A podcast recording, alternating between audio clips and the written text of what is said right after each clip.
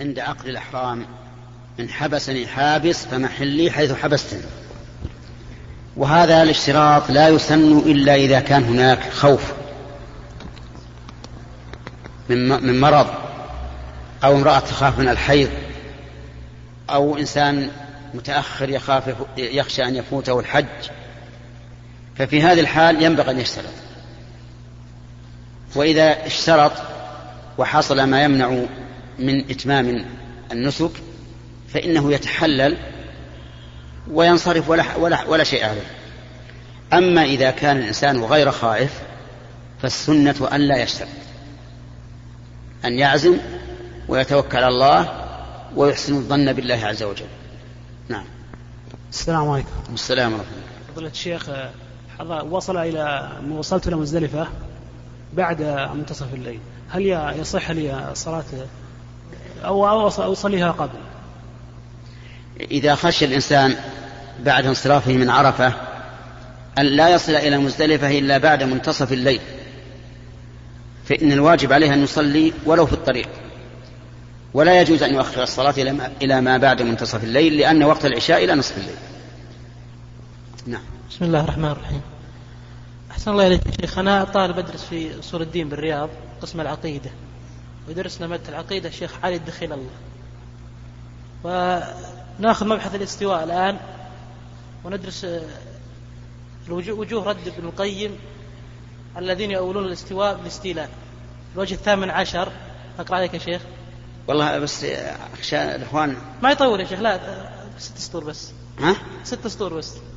لا خلها جل آخر شيء. خلها بعدين. نعم. السلام عليكم شيخ. عليكم السلام. هل السنن تتداخل في بعضها؟ مثلا من أراد سنة الوضوء تدخل مع سنة الضحى. يصح. لأن لا يعني بعض السنن تكون مقصودة بذاتها فهذه لا تتداخل. وبعض السنن يكون المقصود تحصيل الصلاة فقط. يكون المقصود تحصيل الصلاة فقط. فمثلا سنة الوضوء المقصود أن تصلي ركعتين بعد الوضوء. سواء سنة الوضوء أو ركعتي الضحى أو راتبة الظهر أو راتبة الفجر أو السنة التي تكون بين الأذان والإقامة لأن بين كل أذانين صلاة. وكذلك تحية المسجد.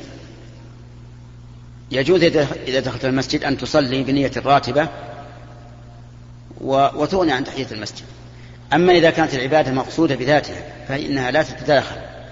ولهذا لو قال قائل سأجعل راتبة الظهر الأولة التي أربع ركعات أجعلها ركعتين وأنويها عن عن الأربع. نقول لا يصلح. لماذا؟ لأن السنة هنا مقصودة بذاتها. يعني المقصود أن تصلي ركعتين ثم ركعتين.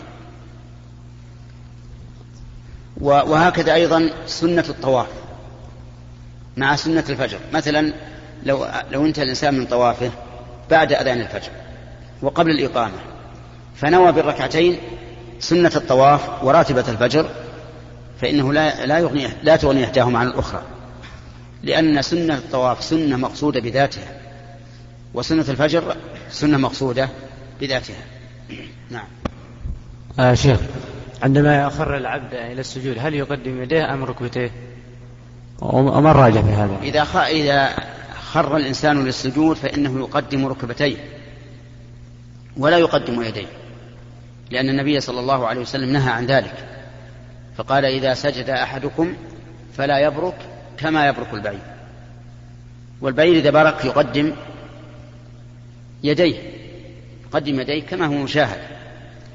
والحديث ليس ليس لفظه فلا يبرك كما يبرك البعير. آه نعم ليس لفظه فلا يبرك على ما يبرك عليه البعير. بل لفظه فلا يبرك كما يبرك البعير وفرق بين العبارتين.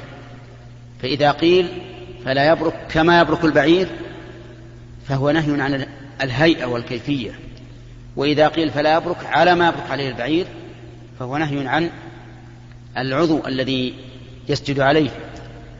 وعلى هذا لو كان لفظ الحديث فلا يبرك على ما يبرك عليه البعير لقلنا لا تقدم الركبتين.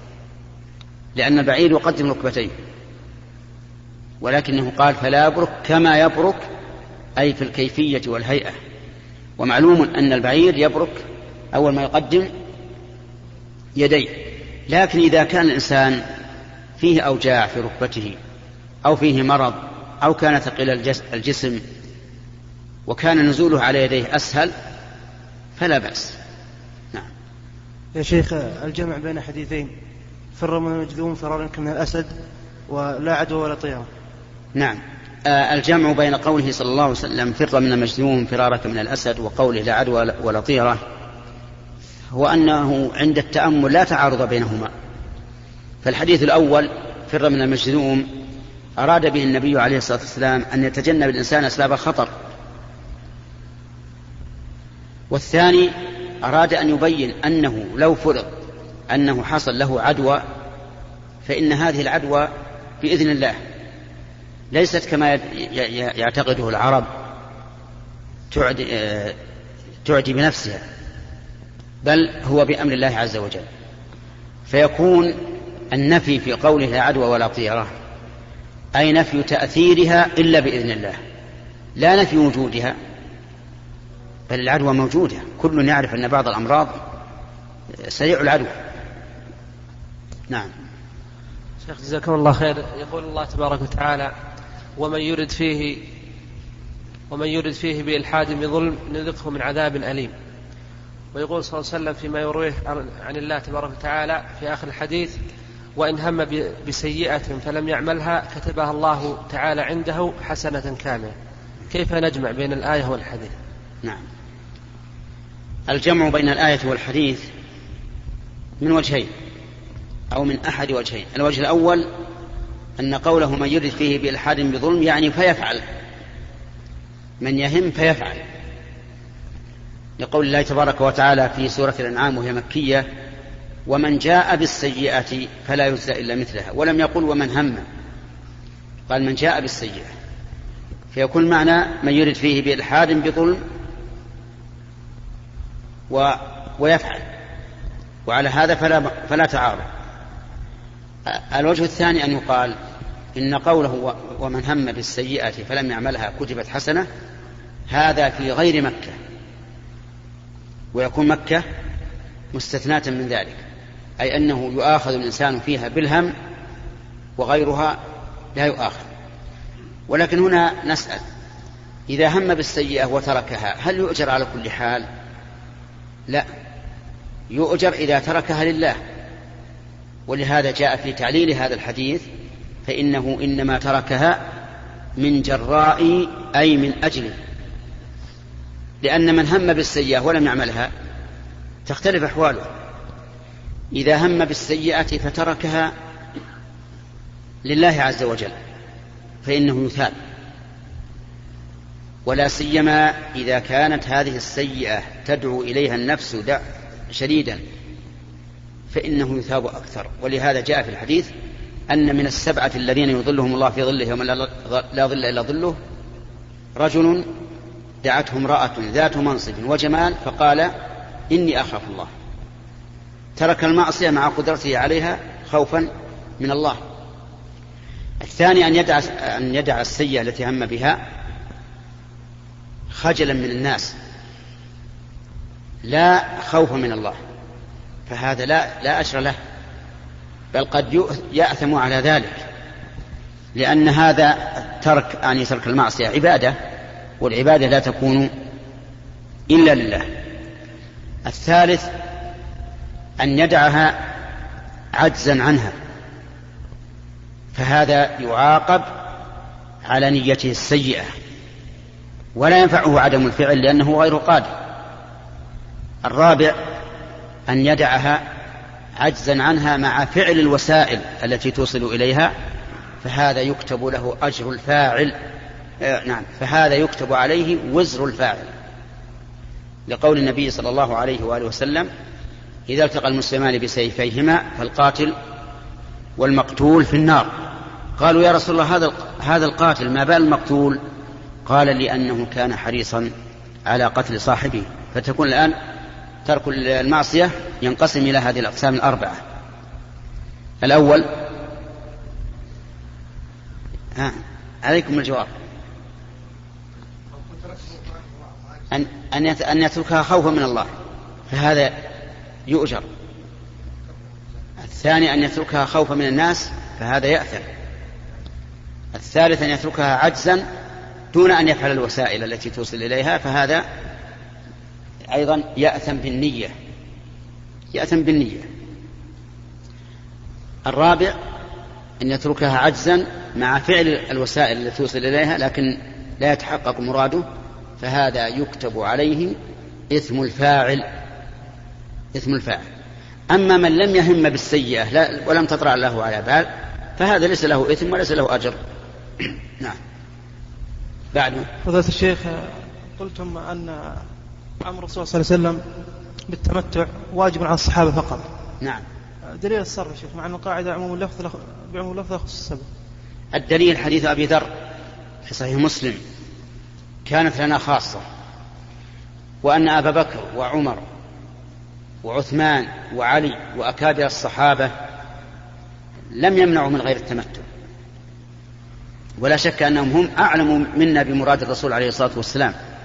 وأعلم من ابن عباس بمراد الرسول عليه الصلاة والسلام وأعلم من من بعد ابن عباس إلى يومنا هذا.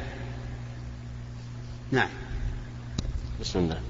فضيلة الشيخ في الأسبوع القادم قدمنا سؤال وكنت رسولا من خلفي والسؤال هو عن اللوحات في الشارع فيها سبحان الله والحمد لله. فقال قائل منا أليست بدعة؟ أفعلها الصحابة؟ فما هو ضابط البدعة؟ عفى الله عنه نعم. البدعة أن يتعبد الإنسان لله بما لم يشرعه الله عز وجل. هذه البدعة. أما وسائل العبادة فإنها ليست ببدعة. يعني فرق بين المقاصد وبين الوسائل. فلو قال قائل مثلا مكبر الصوت في الصلاة والخطبة والمواعظ غير غير موجود في عهد الرسول بدعة. يقولنا غلط. لأن هذا وسيلة لإيصال الخير إلى إلى الناس. هذه اللافتات التي توجد في في الطرقات وسيلة لتذكير الناس لتذكير الناس عز و... لتذكير الناس بذكر الله عز وجل. نعم. السلام عليكم ورحمة الله. السلام ورحمة الله. إذا سمحتم جزاكم الله خير. ثلاث أسئلة إن شاء الله يعني. لا ما نسمح إلا بسؤال. نعم أذكر عن كل واحدة من إخوانكم في جدة هذه. ونحن مسافرون اليوم. وإن شاء الله كل أنا أظن أن كل جواب عليها أبد أبد سؤال واحد والباقي تجدون إن شاء الله تعالى في, في, في الصلاة في عصابة إيه، يعني استفحل خطرها تسرق تسرق الناس. نعم. وليس في تلك البلدة رجال أمن وأحد الناس يعرف وكرها ويعرف مخبأها. فهل يجوز هذا الرجل الذي يعرف وكرها عنده ناس شجعان يأخذ هذه الأموال خلسة منهم خلسة ويعرفونها أو يعرفون أصحابها ويوصلونها إلى أصحابها. هل خلستهم هذه تعتبر السرقة كذلك؟ نعم. آه الرجل إذا رأى المال المسروق وهو يعرف صاحبه فإنه يجب عليه استنقاذه من السارق. يجب وجوب. يجب عليه وجوبا أن يستنقذه من السارق. فإذا ذهب هؤلاء الجماعة إلى أوكار هؤلاء السراق وأخذوا أموال الناس ليردوها إلى الناس فهم على خير كثير ولهم أجر كبير. فليفعلوا ذلك. ما استطاعوا. نعم. فضيلة الشيخ من ناحية حدود منى في ناس بعض الناس يعني كله من الناس الذين لا يعرفون منى إيش؟ من الناس الذين لا يعرفون منى وليس من أهل مكة يسكنون خارج سيل الجبال داخل منى يعني عند حجز السيارات الآن اللي هو إخراج السيارات من داخل منى نعم. فما أدري هل هذا يعتبر من منى وهل يعني يعفى عنهم في ذلك أم لا علم أنهم يعني أنكر عليهم بعض الناس ولم يستجيب إلا قال من سماحة الشيخ عبد العزيز بن باز ولا من هيئة كبار العلماء. نعم. الله على كل حال الواجب على على الإنسان أن يحتاط لدينه بأن يبحث بحثا دقيقا عن مكان له في منى. فإذا لم يجد فقد قال الله عز وجل اتقوا الله ما استطعتم. إذا لم يجد سقط عنه الوجوب. لأنه عاجز. وقال بعض العلماء إذا منع من المبيت في منى فإنه يسقط عنه وجوب المبيت لكن يجب عليه البدل وهو فدية يذبحها ويوزعها على الفقراء في مكة. نعم. السلام عليكم. السلام ورحمة الله. أفضل الأدعية يا شيخ يوم عرفة. أفضل الذكر شيخ في يوم عرفة وغيره. لا إله إلا الله وحده لا شريك له له الملك وله الحمد وهو على كل شيء قدير. والذكر دعاء لكنه دعاء ضمني لأن من أثنى على الله بذكره عز وجل فحاله ف فلسان حاله يقول يا رب أثبني على هذا الذكر. ولهذا قال بعض العلماء إن الذكر دعاء في الواقع. لأنك لو سألت أي ذاكر لماذا ذكرت الله؟ قال ليثيبني لكن إذا دعا الإنسان بالدعاء الذي يريد مثل ربنا آتنا في الدنيا حسنة وفي الآخرة حسنة وقنا عذاب النار أو يختار أدعية من القرآن أو من السنة فهذا طيب. ولا أعلم دعاء خاصا لعرفة بل يقول الإنسان ما تيسر. إن علم من الأدعية التي في القرآن أو في السنة شيئا فليدعو به لأنها خير الأدعية وإن لم يعلم فبما أراد. نعم. السلام عليكم ورحمة الله وبركاته. السلام ورحمة الله وبركاته. يقول الله سبحانه وتعالى ربنا لا تجعلنا فتنة للذين كفروا. السؤال يا شيخ كيف يكون المسلم فتنة للذين كفروا؟ أي. نعم. يكون فتنة للذين كفروا بتسلط الكفار عليه. بتسلط الكفار عليه. لأن تسلط الكفار على المؤمن فتنة. فتنة حيث إنهم يؤزرون على ذلك ويأثمون عليه. فيكون ذلك فتنة لهم. ويحتمل أن المعنى فتنة للقوم الكافرين يعني أن يفتنون هم عن ديننا. كقوله تعالى إن الذين فتنوا المؤمنين والمؤمنات ثم لم يتوبوا فلهم عذاب جهنم ولهم عذاب الحريق. والآية تشتمل على المعنيين جميعا لأنها لأن المعنيين لا ينافي بعضهما بعضا والقاعدة في التفسير أن الآية إذا إذا احتملت معنيين لا ينافي أحدهما الآخر فإن الواجب حملها على المعنيين جميعا. نعم. السلام عليكم ورحمة الله. فضيلة الشيخ السلام. بالنسبة للتوسل إيش؟ بالنسبة للتوسل بالأعمال الصالحة نعم. يعني هل يتوسل الإنسان بنفس العمل لأكثر من شيء؟ يعني لأكثر من حالة؟ إيه نعم. يمكن. نفس العمل يعني. نعم. يمكن يتوسل بالعمل الصالح لعدة لعدة أمور. الذين يقولون ربنا إننا آمنا فاغفر لنا ذنوبنا وقنا عذاب النار. فاغفر لنا ذنوبنا. لا. ربنا إننا آمنا فاغفر لنا ذنوبنا وكفر عنا سيئاتنا وتوفنا مع الأبرار. ربنا وآتنا ما وعدتنا على رسلك ولا تخزنا يوم القيامة إنك لا الميعاد. هذه عدة أشياء توسلوا توسلوا إلى الله بالإيمان لتحصل لهم. نعم.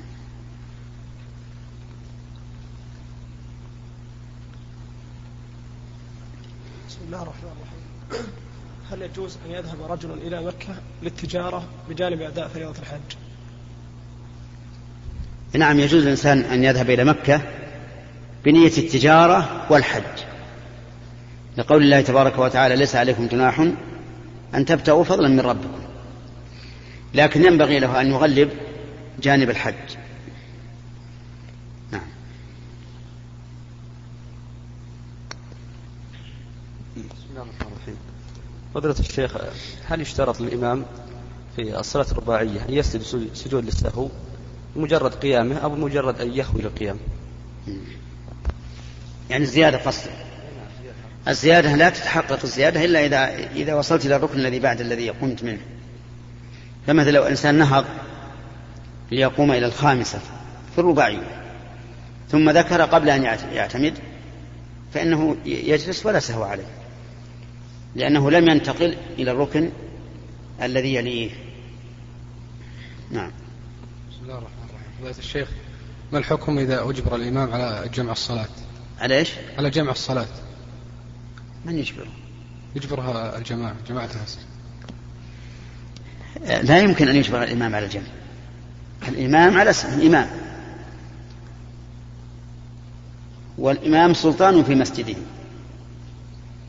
فإذا قال له الناس اجمع نظر. إن كان الناس في حال يسوغ لهم فيها الجمع وجب عليه أن يجمع لأنه ولي. والولي يجب عليه أن يفعل ما هو أرفق بمن تحت يده. ولهذا قال النبي صلى الله عليه وآله وسلم إذا أما أحدكم الناس فليخفف وإذا صلى لنفسه فليطول ما شاء. فإذا طلب منه جماعة أن يجمع والجمع سائر وجب عليه أن يجيب. لكن هو بنفسه يجوز أن يجمع ويجوز أن لا يجمع مع وجود مع وجود المسوى وإذا طلب منه الجماعة أن يجمع وليس الحال بمسوغ للجمع فإنه لا يجوز له أن يقبل منه. ويقول أنا لا, لا أجمع لأني لا أرى الجمع. فإن أصروا وقالوا إما أن تصلي بنا جمعا وإلا صلينا نحن. يقول صلوا نحن أنتم أما أنا لا أجمع. وإن خاف من فتنة في مثل هذه الحال فليصلي بهم وينويها نفلا إذا خاف من فتنة. والمسألة ممكن يعني ولو على وجه بعيد أن يكون هناك مسور للجمع. أما إذا لم يكن هناك مسور فإنه لا يجوز أن يجمع والفتنة بمن افتتن هو ويقول لهم يا جماعة هذا لحرام أن أجمع بدون مسور لأن الله قال إن, إن الصلاة كانت على المؤمنين كتابا موقوتا. والنبي عليه الصلاة والسلام فسر هذا هذا الوقت. جعل كل صلاة لها وقت معين. نعم. أقول الشيخ أحسن الله إليك. رجل لديه ثلاث عمارات ولديه زوجتان. له من إحدى الزوجتين بنت و وله من الزوجة الثانية له عدة أبناء. فكتب إحدى العمارات هذه باسم بنت بنته التي من الزوجة الأخرى. نعم. فهل هذا جائز؟ وكيف. سرا طبعا بينه وبين هذه البنت؟ لا يعلمون أبناء المرأة. يعني أوصى لها بها. نعم. أوصى لها بها ولا أعطاها هبة؟ هبة. هبة يعني نعم. في حال حياته. نعم. نعم. ما فعله هذا الرجل حرام عليه. يعني لا يجوز أن يخصص أحدا من أبنائه أو بناته بشيء من ماله. لأن بشير بن سعد رضي الله عنه أعطى ابنه النعمان عطية. فبلغ ذلك النبي صلى الله عليه وسلم فقال اتقوا الله واعدلوا بين أولادكم. حين سأله هل فعلت ذلك بكل ولدك؟ قال لا. قال اتقوا الله واعدلوا بين أولادكم. فرجع بشير في هبته للنعمان وأخذها منه. فإذا كان الرجل حيا جزاك الله خيرا فبلغ. قل إن هذا حرام ويجب أن يعود فيما فعل. وأن يمزق الوثيقة وأن يجعل المسألة راجعة إلى حكم الله عز وجل إذا قدر الله عليه أن يموت وكانت البنت باقية ورثت مع إخوانها ما تستحقه في دين الله وربما تموت قبله فأنت على كل حال بلغ إن شاء الله وانصح أنت بلغ إنما عليك البلاغ إذا أصر إذا أصر على أن مثلا ما راح يرجع في هذه الهبة نعم نعم. ترد. ترد في الميراث. يجعل الميراث سواء. نعم. السلام عليكم. السلام. الشيخ هل إذا فسر أحد الخلف آيات قرآنية بآيات أخرى وكان مقنعا مفهما هل نرد تفسيره لأن السلف كان لهم تفسير مخالف لهذا؟ إذا فسر المتأخرون الآية بتفسير لم يتكلم فيه السابقون وكان لا يخالف فإنه يأخذ به. مثل تفسير كثير من الآيات الكونية بما ثبت الآن من مما كان مجهولا من قبل. أما إذا كان يخالف ما كان عليه السلف مخالفة واضحة كتفسير استوى على العرش باستولى على العرش فهذا يجب أن يرد ولا يجوز قبوله. التفسير كان في سورة يوسف بالنسبة ليوسف عليه السلام قال السلف أنه كان وزيرا للمالية. نعم. وقال ولم عاصم لم يكن وزير المالية بل كان هو ال- الملك أو هو ليس الملك بل هو آه، العزيز. نعم.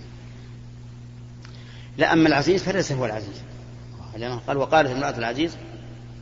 أي صار فيما بعد هو العزيز. يمكن. هذه مسألة أنه هل هو كان ملكا أو كان وزير مالية فقط.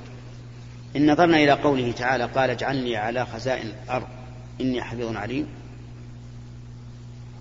قلنا إنه وزير مالية وإذا نظرنا إلى قول الملك يتوني به أستخلصه لنفسي. قلنا هو أيضا مستشار. مستشار خاص.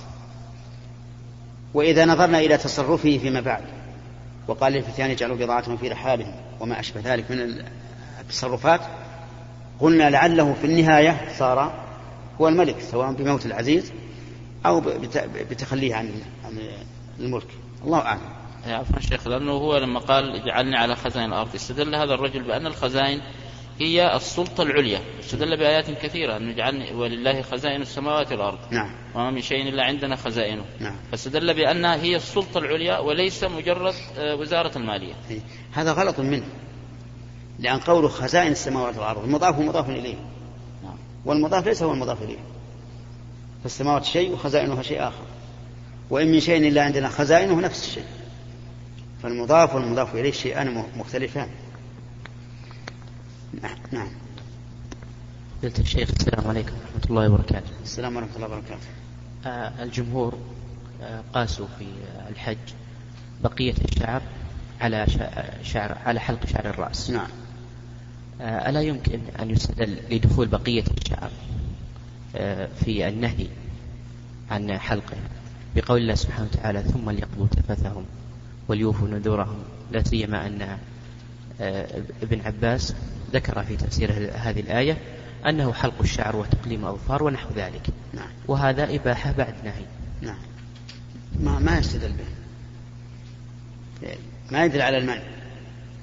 بل يدل على أنه يطلب من الإنسان أن يتنظف بعد فراغه من الحج كما نقول مثلا يطلب يوم الجمعة أن تتنظف بتقليم الأظفار أو نحو ذلك فلا يعني ذلك أنه ممنوع في بقية الأسبوع.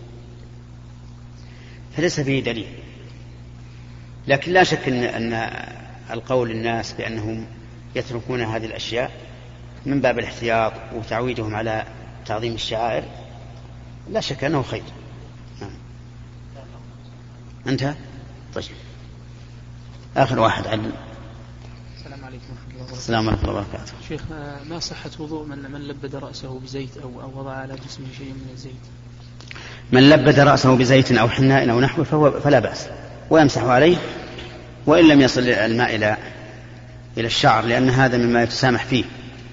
بدليل أن الرسول عليه, الصلاة والسلام كان في إحرامه ملبد ملبدا. والحمد لله رب العالمين وصلى الله وسلم على نبينا محمد وعلى آله وأصحابه أجمعين. ولا سؤال بعد هذا المجلس لأنه أذن الآن وإلى المسجد إن شاء الله. سبحانك الله أيها الإخوة وبنية